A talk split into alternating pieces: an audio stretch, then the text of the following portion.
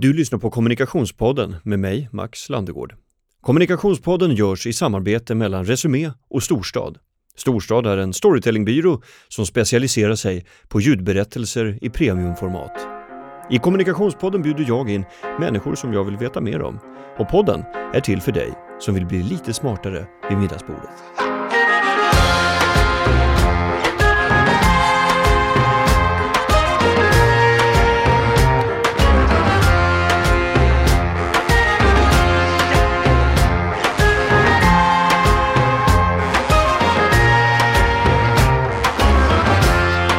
Malin Folkman, snart tillträdande, eller tillträdande ska man väl säga, marknads och kommunikationschef vid Dramaten. Ja. Varmt välkommen till Kommunikationspodden. Tack så mycket. Ha, läget? Det är bara bra. Det känns toppen. Känns det lika toppen nu att tillträda som det gjorde i, när du fick frågan? För det var väl långt, långt innan allting hände med eh, vdns avträdande och så. Det var det. Jag tackade ja till jobbet i början av året, men eh, jag ser verkligen fram emot att börja på Dramaten. Jag tycker det ska bli jättekul. Vet du vad, eftersom du inte har eh, börjat än så tänkte jag att eh, vi kör lite lära känna-frågor. Så får vi se vilken personlighetstyp det är som nu tillträder den här nya rollen. Ja, Så jag har lånat från olika rekryteringsbolag, både från Sverige och internationellt, ja, eh, om ja, sådana här eh, karaktärsfrågor. ja, Får vi se vem, vem du är. ja, spännande. Eh, jag vill alltså att du graderar. Mm. 10 är absolut och 1 det är inte alls. Mm. Okej? Jag gillar att vara bland människor. Tio. Jag svarar på mail direkt och betar av. Eh, där skulle jag säga sex eller sju. Okej. Jag tycker många dömer för fort. Eh, sju. Mm. Det är så alltså, det, den, den var hög. Ja, jag, jag tycker inte själv att jag dömer väldigt fort. Nej men många andra menar jag. Ja, men jag tycker nog att ibland när man kan vara lite snabb och döma faktiskt. Mm. Varför tror du att det är så? Eh, ja, det är väl lite så här tidigare erfarenheter att man kan vara lite förprogrammerad men jag tycker oftast att eh, man behöver lära känna folk lite grann. Det finns oftast mer bakom än det, man, det första man ser i min Mm. uppfattning. Man borde vara lite mer zen-buddhistisk liksom, börja Ja. från noll. Ja, kanske det. Jag är inte så duktig på zenbuddhism just men, men jag tror mycket på att verkligen lyssna och lära känna människor innan Mm. man har sin bild helt klar. Okej, vi fortsätter. Generellt har folk mindre koll än vad de tror att de har. Eh, vad säger jag på den då? Eh, ja, kanske säger en sjua där också. Det är lite både och. En del människor har ju faktiskt betydligt bättre koll Mm. än, än vad de kanske tror, medan andra inte. Så att, eh, ja. Det, är det, där, det, ja. det har ju florerat i ett par artiklar om Dunning-Kruger-effekten. Mm. Att eh, vissa människor eh, å ena sidan kan vara så inkompetenta att de inte ens förstår att de är inkompetenta. Nej, det är ju de läskigaste faktiskt. Mm. Sen så har du de andra typerna som eh, är så otroligt kunniga Mm.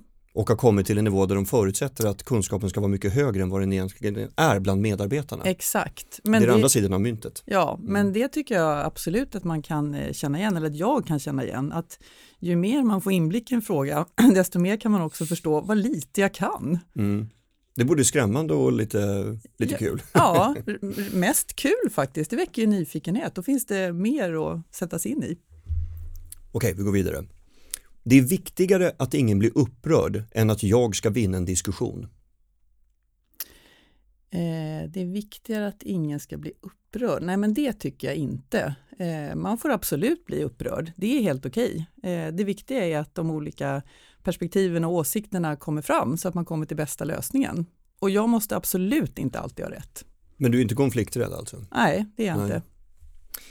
Har, du, har det alltid varit så? Eh, nej, det skulle jag inte säga. Eh, jag är mycket för rakhet och eh, ärlighet, men jag ska inte säga att jag dras till konflikter. Men så att till viss del har jag nog tränat upp det faktiskt. Det blir liksom inget bra om man inte säger vad man tycker och är ärlig. Jag är ofta kritisk mot mig själv. Ja, eh, det känns som jag svarar både och på allting, men eh, ja, det, eh, ibland så tycker jag att nej, men det här gjorde du riktigt bra Malin, grattis. Men eh, lika ofta kan jag tänka, ah, det här kunde jag gjort lite mer av. Jag är självdisciplinerad. Eh, Nej, där sätter jag nog en femma. du är alltså be behovet av medarbetare? Absolut. Teamet är starkt? Teamet är starkt. Tillsammans är man starka. Men det, det, apropå managementfrågor så är det ju liksom tankar om självledarskap är ju väldigt populärt nu att diskutera. Vi ska vara i team så ska man också vara satelliter och liksom jobba efter egna beting. Mm. Vad tror du, är det liksom ett modord eller vad, vad tänker du om det? Jag tycker det ligger oerhört mycket i det. Jag tycker att eh, ledarskap har två tydliga delar. Det ena är det som är chefen och ledarens roll och sätta ut riktningen och engagerande målbilder och ge mandat och förtroende. Men sen har vi ju alla ett, ett eh, ansvar för ett personligt ledarskap. Att vad kan jag bidra med utifrån den rollen jag har? Och hur vi är mot varandra och så vidare. Så att jag tycker det är klokskap och inte mode. Vi fortsätter. Jag behöver ofta rättfärdiga mig själv inför andra människor. Tio är absolut och ett är inte alls.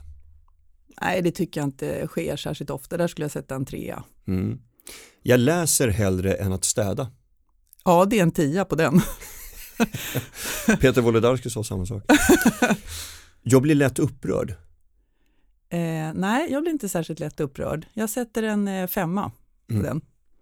Så det, det är lite både och? Ja, nej men det är klart, ibland blir jag ju upprörd, men eh, det, jag går inte runt och är någon slags tickande explosion, det är jag inte. Jag är rätt lugn faktiskt. Ja. Känslovästen är vänd åt rätt håll? Ja. Mm.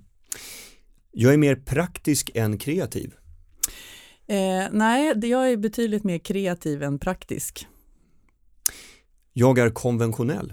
Nej, eh, där sätter vi en tvåa. Mm, Okej, okay.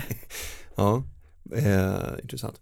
Om någon inte snabbt svarar på ett mejl som jag skickat, då blir jag orolig att jag har skrivit något galet.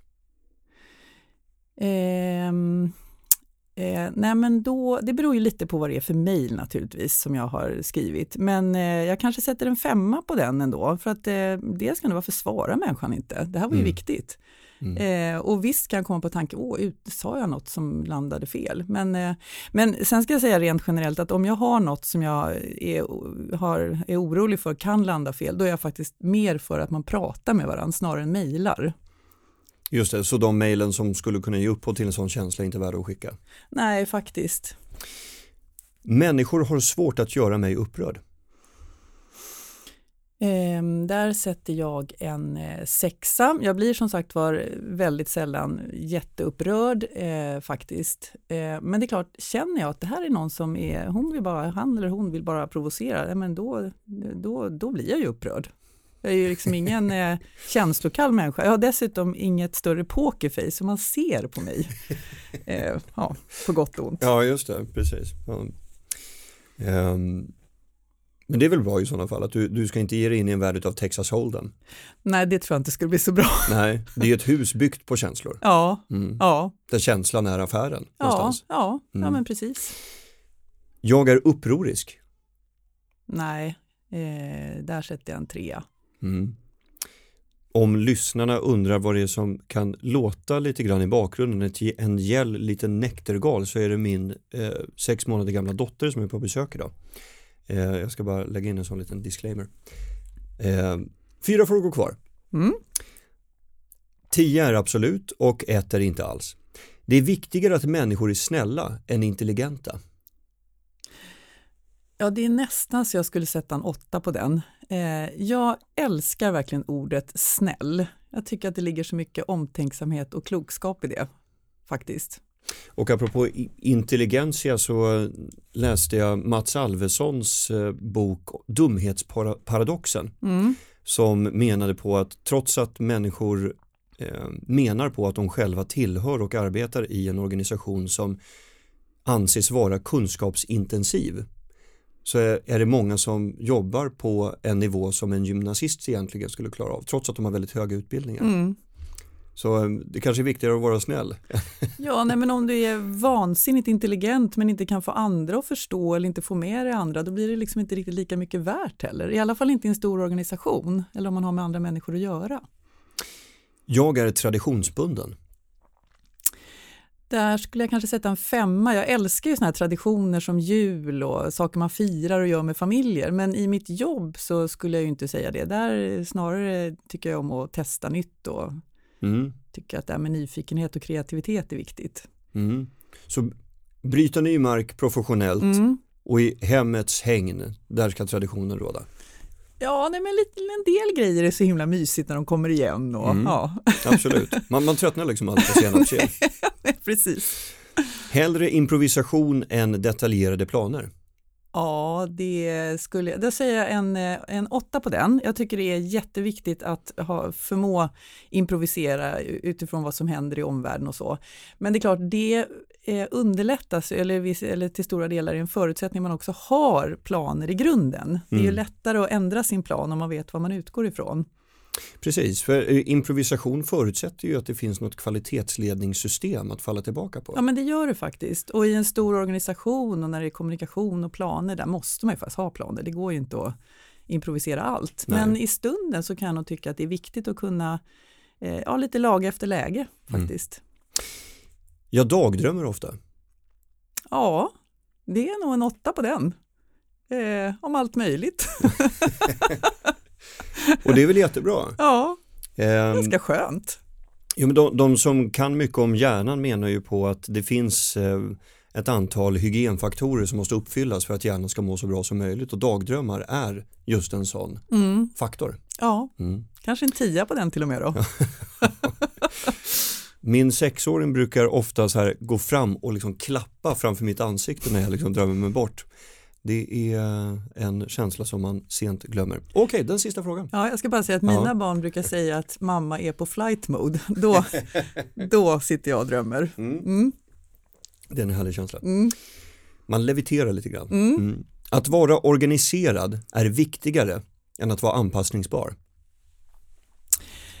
Eh, där eh, tycker jag att det är en, en sexa på den också. Eh, man, eh, och det är lite tillbaka till frågan innan, man behöver, vara, man behöver ha en, en, en grund i organisation och, och, så för att också kunna eh, variera, improvisera. Mm.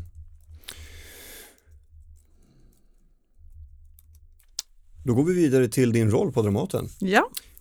För jag har tänkt så här, kanske just när man på Dramaten bland andra eh, stora institutioner precis sagt, satt sig tryggare i båten efter metoo-upprop eh, som hördes och syntes på flera håll i landet så kom den viktiga dokumentären om Josefin Nilsson och sköljde över den svenska debatten som en stor tsunami. Det påminner bland annat om vikten av metoo-rörelsen.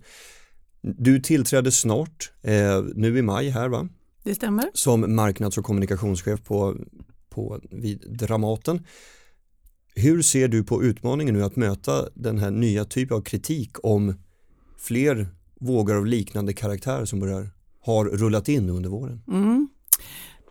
jag tänker, först och främst tycker jag som sagt att det ska bli fantastiskt roligt att börja på Dramaten. Jag har ju ett stort personligt eh, intresse, jag tycker det är väldigt roligt med, med kultur i allmänhet och scenkonst i synnerhet. Och jag tycker också att eh, Dramaten som nationalscen har ett viktigt uppdrag och jag ser fram emot att få fler att bli nyfikna och vilja komma till teatern.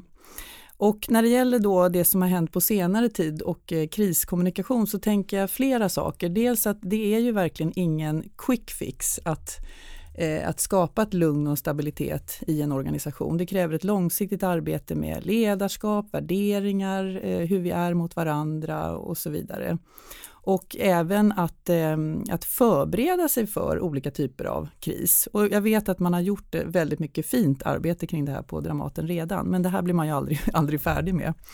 De allra flesta verksamheter råkar ju faktiskt ut för eh, någon form av kris av lite olika dignitet. Och, eh, och om det händer då ja, men då gäller det att vara ett, ett samlat team, jobba nära varandra, absolut inte bara kommunikation utan från olika delar i verksamheten. Och först och främst få liksom, ordning på benföringen i själva verksamheten. Och att sen med kommunikationens hjälp, både internt och externt, skapa lugn, stabilitet, trygghet och med mycket transparens. Mm. Eh, så att, eh, och det, det, det ska jag efter bästa förmåga verkligen försöka bidra till när jag kommer till Dramaten. Jag tänker på lugn, stabilitet och transparens. Mm. Eh, det är ju eh, två eh, begrepp som jag tänker står som utmaningar för er nu eftersom vi har Eirik Stubbe som eh, avgick som chef för Dramaten 8 Mm. april i år eh, och efterträddes av den också relativt nyrekryterade Maria Groth Russell som kom från SVT senast va? Eh, Ja. och gick från då att vara vice vd till att nu vara vd för Dramaten. Och sen har vi en ny ledningsfunktion i, i dig också. Mm. Eh, det, hur, hur skapar man stabilitet på kort tid? För det är precis det som, som krävs nu. Mm, men precis, Nej, men vi, är ju en, eh, vi är ju en ledningsgrupp som består av en del erfarna personer som har varit länge på Dramaten och har en djup kunskap om verksamheten och sen är vi några som kommer in nya. Så att inledningsvis att få att, att vi lär känna varandra och blir ett starkt team tillsammans. Eh, det kommer ju vara jätteviktigt för där är, är man det så klarar man ju väldigt mycket tillsammans med olika kompetenser och ja, känna sig trygga tillsammans så att man kan hantera allt efter bästa förmåga. Eh, Det var Maria Groth Russell va, som approcherade dig och ställde frågan om du ville bli eh, kommunikationschef på Dramaten. Det stämmer. Vad, vad fick du att tacka ja? Det var flera saker som fick mig att tacka ja till det här jobbet. Som, som sagt var så är jag personligen väldigt, jag tycker det är väldigt roligt och angeläget. Jag är intresserad av kultur själv och jag går mycket på både teater, opera, eh, dans, ballett, konserter. Jag tycker att det är väldigt roligt helt enkelt. Och jag tycker också att teatern och eh, Dramaten har en viktig roll i samhället. Att väcka känslor, skapa engagemang, dialog, samtal, lite mer fler liksom perspektiv och nyanser på livet som jag tror vi alla behöver, både vana besökare och nya som barn och unga och runt om i landet. Eh, och ehm, sen, eh, sen tycker jag att det är fantastiskt roligt att jobba med kommunikation. Så att eh, faktiskt så tycker jag att det här är en helt fantastisk kombination av ett område som intresserar mig och som jag verkligen känner för och en profession som jag tycker är kul. Mm. Du har arbetat på Arla förut, inte sant? Stämmer? Spendrups. Ja. Ja. Och eh, du, du har jobbat på Kungliga Operan också och Systembolaget senast va? ja. Eh, för att bara nämna några arbetsplatser. Om du fick ge ett yrkesmässigt råd till ditt 25, 35 och 45-åriga jag, vad, vad, skulle, vad skulle du ge för råd i de olika faserna i livet? Hmm, vilken bra fråga. Mitt, Jag vet inte själv vad jag skulle svara på. Ja, nej men mitt 25-åriga jag jobbade på Arla, det var mitt eh, första jobb efter examen och eh, så här i efterhand så skulle jag verkligen säga ett stort grattis till mig själv att Arla blev min första arbetsgivare. För i efterhand kan jag ju se att eh, det var en riktigt bra skola. Duktiga på Arla med ledarskap, ett genuint kundfokus, tydliga processer, tråkigt ord men det var väldigt tydligt hur man fattade beslut. Eh, ja, duktiga på produktutveckling och så att jag lärde mig väldigt, väldigt mycket. Och det rådet jag skulle kanske gett till mig själv mer personligen, det var att man måste faktiskt inte kunna allting när man är 25 år. Det är okej att fråga, det är liksom ingen svaghet att inte kunna allt. Det, det skulle jag tänka. Det är väl den 25-åriga medarbetarens stora aber, att man, Ja, man vill, vill kunna men inte, inte kan, men inte vågar säga att man inte kan. Nej, precis. Och nu i efterhand så det är klart man inte kan kunna allt när man är 25. Det kan man inte när man är dubbelt så gammal heller kan jag säga. Men, eh, och om vi hoppar fram i tiden, då är det en 35-årig Malin som jobbar på Coop och då hade jag två små barn, lite större än din lilla flicka här ute. Mm. Och i efterhand så var det väldigt roliga men också ganska slitiga år, för det är ganska tufft när man har små barn och vill vara bäst överallt och sådär. Så då skulle jag nog säga helt enkelt att hör du, chilla lite. Det, det duger, det är till och med riktigt bra det du gör och Mm. eh, good enough gäller. Ja, framförallt är det fasen i, i livet. Det är ju det och det försöker jag ju själv tänka på nu som ledare. Jag vet ju faktiskt hur det är när man är mitt i allt det där Mm. och eh, det är en härlig tid men man, Jag höll en poddkurs igår med 12 eh, kursdeltagare som jobbar i ja, samma sektor som vi gör. Och eh, då fick de en uppgift att göra en kort podd på sex minuter bara. Och de fick välja ämne fritt. mm, Och jag föreställer mig att allting skulle vara verksamhetsanknutet. Fyra av sex poddar som de skickade in under den här förmiddagen handlade om stress ja, och livspussel. ja, precis. Superintressanta ja, ämnen. Så intressant. Mm. Den kan vi prata mer om en annan gång. Ja. Ja. Ja, 45-åriga ja, 45-åringen, hon eh, jobbar på Kungliga Operan och mm. till henne skulle jag faktiskt också säga jättegrattis eh, som vågade eh, följa faktiskt lusten och intresset och tacka ja till jobbet som marknads och försäljningschef på Operan. Jag tyckte det då var det modigaste jag någonsin har gjort kan man gå från det privata näringslivet till kultursektorn? Men mm. det verkade så himla roligt och spännande och det har jag liksom inte ångrat en sekund, både för allt det det gav rent yrkesmässigt också, men också för mig som person. De sammanhang och människor och upplevelser. Och, ja. Min fördom, blir man illa sedd om man har jobbat på den kommersiella sidan och kommer in i kulturen? Det tycker jag inte att jag mötte faktiskt. Nej. Nej. Ehm, det har riktats hård kritik mot Dramaten och inte minst mot den arbetsplatskultur som har rått och jag vet inte råder fortfarande. Hur, hur, ser, hur ser du på att träda in i en sån här miljö? Vi har varit inne på det innan men mm. vad, vad tänker du?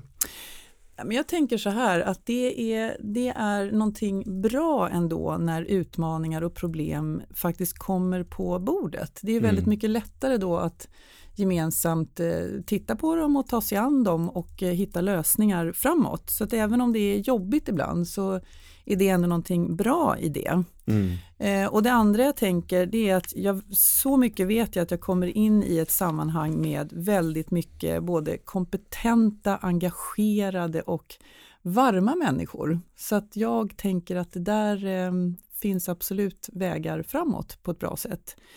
Eh, och eh, nej men sen också för egen del, nu har jag ju hunnit jobba några år och varit med både i upp och nedgångar och lärt känna både mig själv och mitt sätt att jobba och jag har, det är inte första gången heller som jag är i en kulturinstitution så att jag känner att jag känner mig ganska både eh, peppad och trygg inför mitt nya jobb.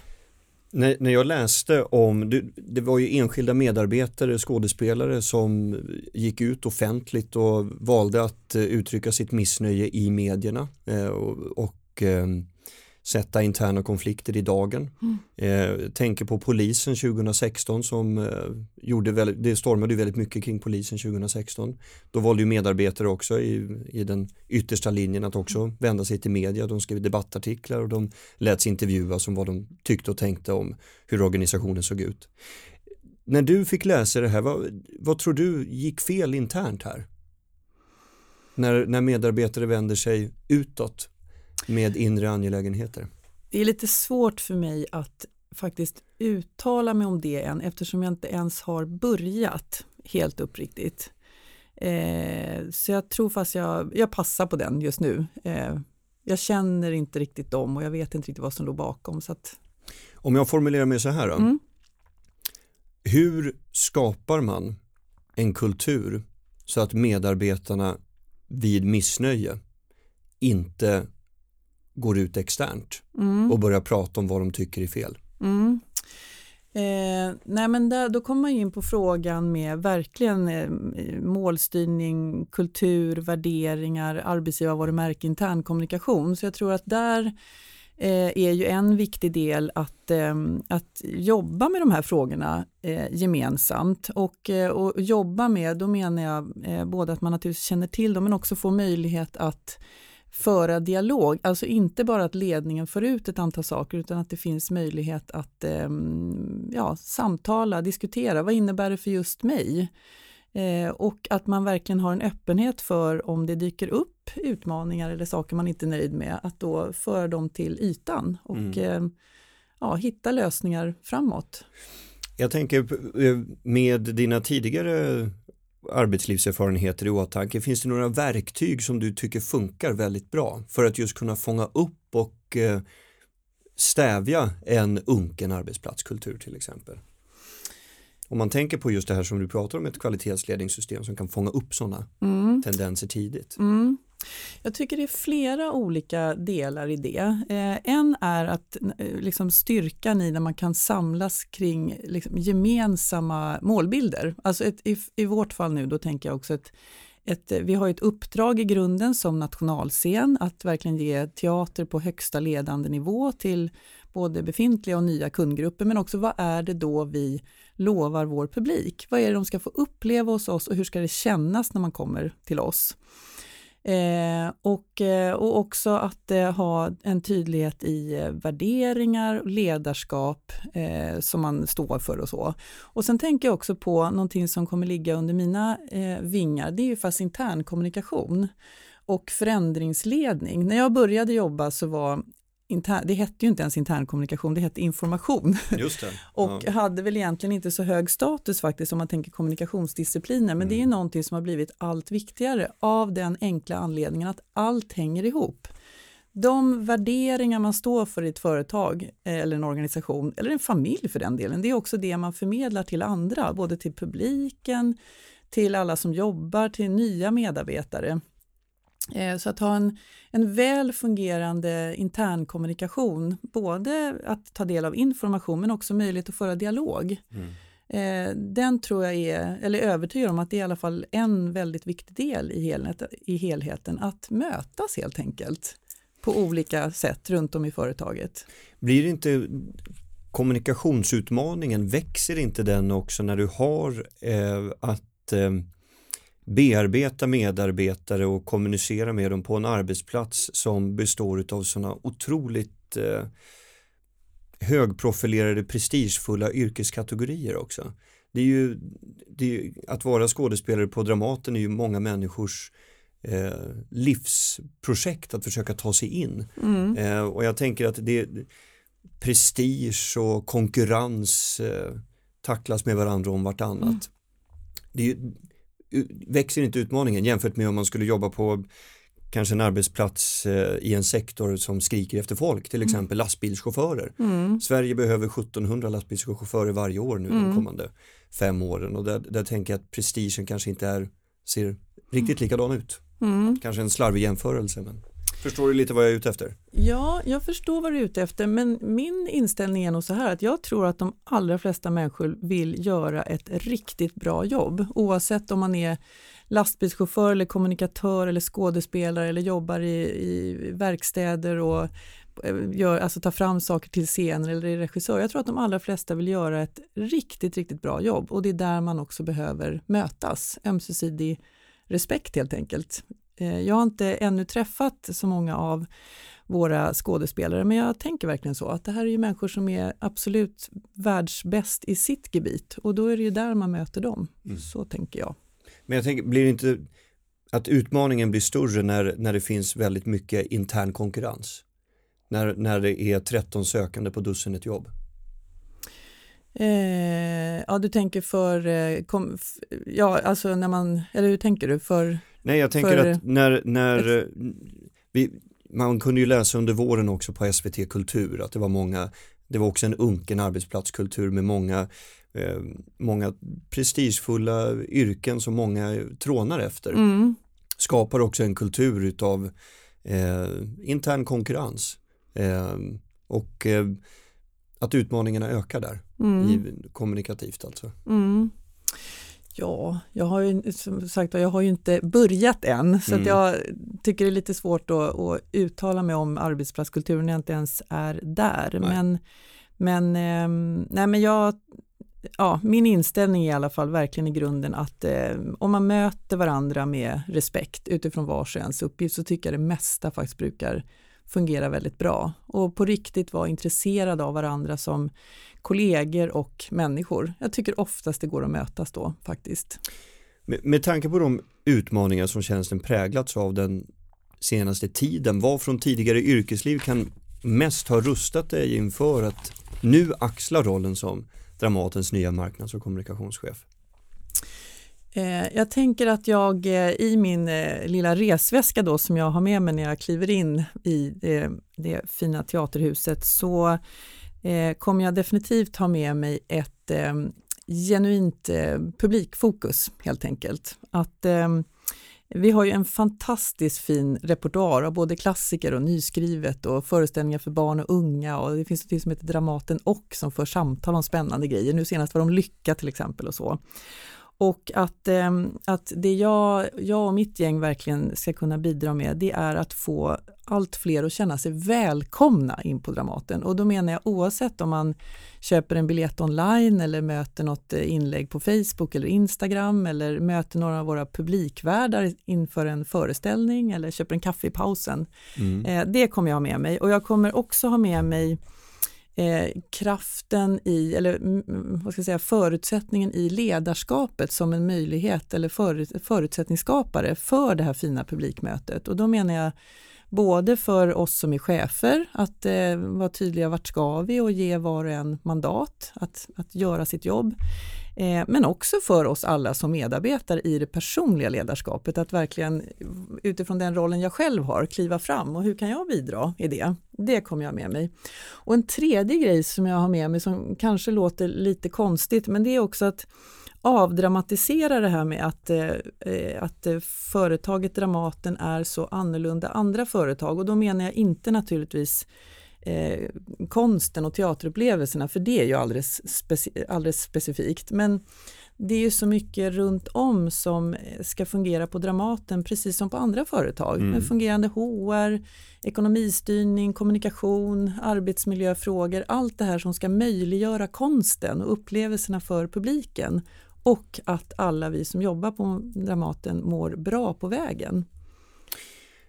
När du säger att du vill locka fler mm. eh, och då, då tänker vi kanske inte på, på de som redan är de som anses vara den eh, målgruppskategorin som är kulturbärare, mm. kvinnor 50 plus. Mm. Eh, när du säger locka fler, menar du då att du inte, alltså att du ska konkurrera om människors uppmärksamhet på, på andra sätt alltså? Att man inte kanske ska ta dem från Stadsteatern till Dramaten utan mer från Ullared och Netflix. Ja, men precis. Alltså, det handlar ju om, eh, jag menar alltså när vi pratar nya publikgrupper då som sagt då tänker vi barn och unga runt om i landet också. Vi turnerar ju till exempel en hel del nu. Det är också en viktig del. Dramaten är ju nationalscen så att hitta sätt att verkligen nå ut till hela landet. Ja, hur gör ni det? Eh, ja, just nu till exempel i form av en, en, del olika samarbeten och turnéer runt om i landet. Men där ger ju också digitalisering jättefina möjligheter. Så att det, det vet jag är ett prioriterat område för Dramaten. Eh, nej, men det är klart vi inte konkurrerar med Stadsteatern i första hand, utan det är ju med Youtube, Netflix, eh, gå på restaurang, eh, sitta hemma i soffan. Mm. Jag hoppas ju få öppna dörren för fler att upptäcka vad teatern kan ge i livet. Har du någon målbild där för eh, alltså vilken typ av målgruppskategori som du skulle vara stolt över släpper fjärrkontrollen och kommer till er istället? Ja, flera faktiskt. Eh, verkligen barn och unga. Jag tycker det är väldigt eh, angeläget och härligt att tänka att fler barn och unga, oavsett om man är uppvuxen i en familj som är van vid att gå på teater, får prova på, för det är ju någonting helt annat. Och jag tycker också gruppen som inte är födda i Sverige, eh, att få, få dem att uppleva, uppleva teater och föreställningar från Dramaten. Eh, ja, och som sagt var runt om i landet. Hur, hur ser förtroendet ut? För Dramaten bland besökarna? Eh, ja, jag, eh, jag vet ju inte hur eh, förtroendet ser ut men det jag definitivt vet är att eh, vi säljer ju för eh, slutsålda eller för fulla hus just nu. Eh, det är ju både som sagt var klassiska föreställningar och nyskrivna och det är barn och unga och Dramaten och, och det är väldigt slutsålt och, och det är ju fantastiskt glädjande verkligen. Mm. Det där är intressant för då, man brukar ju prata om det här hur, hur kriser påverkar varumärket och om det verkligen påverkar varumärkets anseende det är då man kan se att det också påverkar affären negativt. Mm. Men har det här alltså, ska man då dra slutsatsen att det här har varit en kris som inte faktiskt har påverkat affären? Jag tycker det finns flera eh, delar i den frågan men det är klart att grunden är ju att ha föreställningar och teater som verkligen intresserar publiken. Eh, men sen måste man ju också eh, naturligtvis jobba med eh, förtroendet för Dramaten som arbetsplats. Eh, så det är både och. Mm. Vilka tre nyckelord präglas enligt dig som gott kommunikationsarbete? Då tänker jag på följande tre saker. Det första jag skulle säga är faktiskt lite fyrkantiga ord, men det är styrning och ledning. Vilket jobb ska kommunikationen göra? Där har faktiskt Sveriges kommunikatörer just nu tagit fram en utmärkt liten publikation som handlar just om det, om kommunikationens effekter. Eh, där måste man liksom börja. Sen kan kreativiteten få sitt utrymme, men vad är det man vill uppnå? Och att verkligen utvärdera, mäta, följa, fira framgångar, lära sig. Det skulle jag säga som den första. Den, den, det andra jag skulle säga det är också nyfikenhet och mod. Det är ett medielandskap som eh, är otroligt snabbrörligt och det finns en mängd olika kanaler och samarbeten och det där förutsätter för en skicklig kommunikatör att faktiskt vara nyfiken på. Och även publiken, vad har de för intressen? Vad, prä, vad, vad, tar deras tankar? Hur beter de sig? Det är ju faktiskt ändå relativt lätt att följa till exempel på nätet. Ehm, och, ehm, och hur gör andra? och sen det här med mod, att också våga testa. Och, eh, och ibland så blir det ju fullträffar och då kan man kanske fortsätta med det och ibland blir det inte fullträffar, det måste vara okej okay också att, eh, att till och med misslyckas ibland. Så nyfikenhet och mod skulle jag säga. Och det sista jag skulle säga, det är faktiskt lagarbete. Det är väldigt sällan eller aldrig ens insatt när man gör en riktigt bra kommunikationsinsats, utan det är många som kan saker. Och jag tror inte det finns en kommunikationsavdelning som inte sitter och funderar över hur man ska vara organiserad och arbetssätt och processer. Och att man, det behöver man naturligtvis ha en grund i, men sen också eh, tänka mer, vem kan någonting av det här och hur kan vi samlas kring eh, en idé till exempel? Så att lagarbete. Och apropå lagarbete, vilka kommer du ha i ditt team på Dramaten?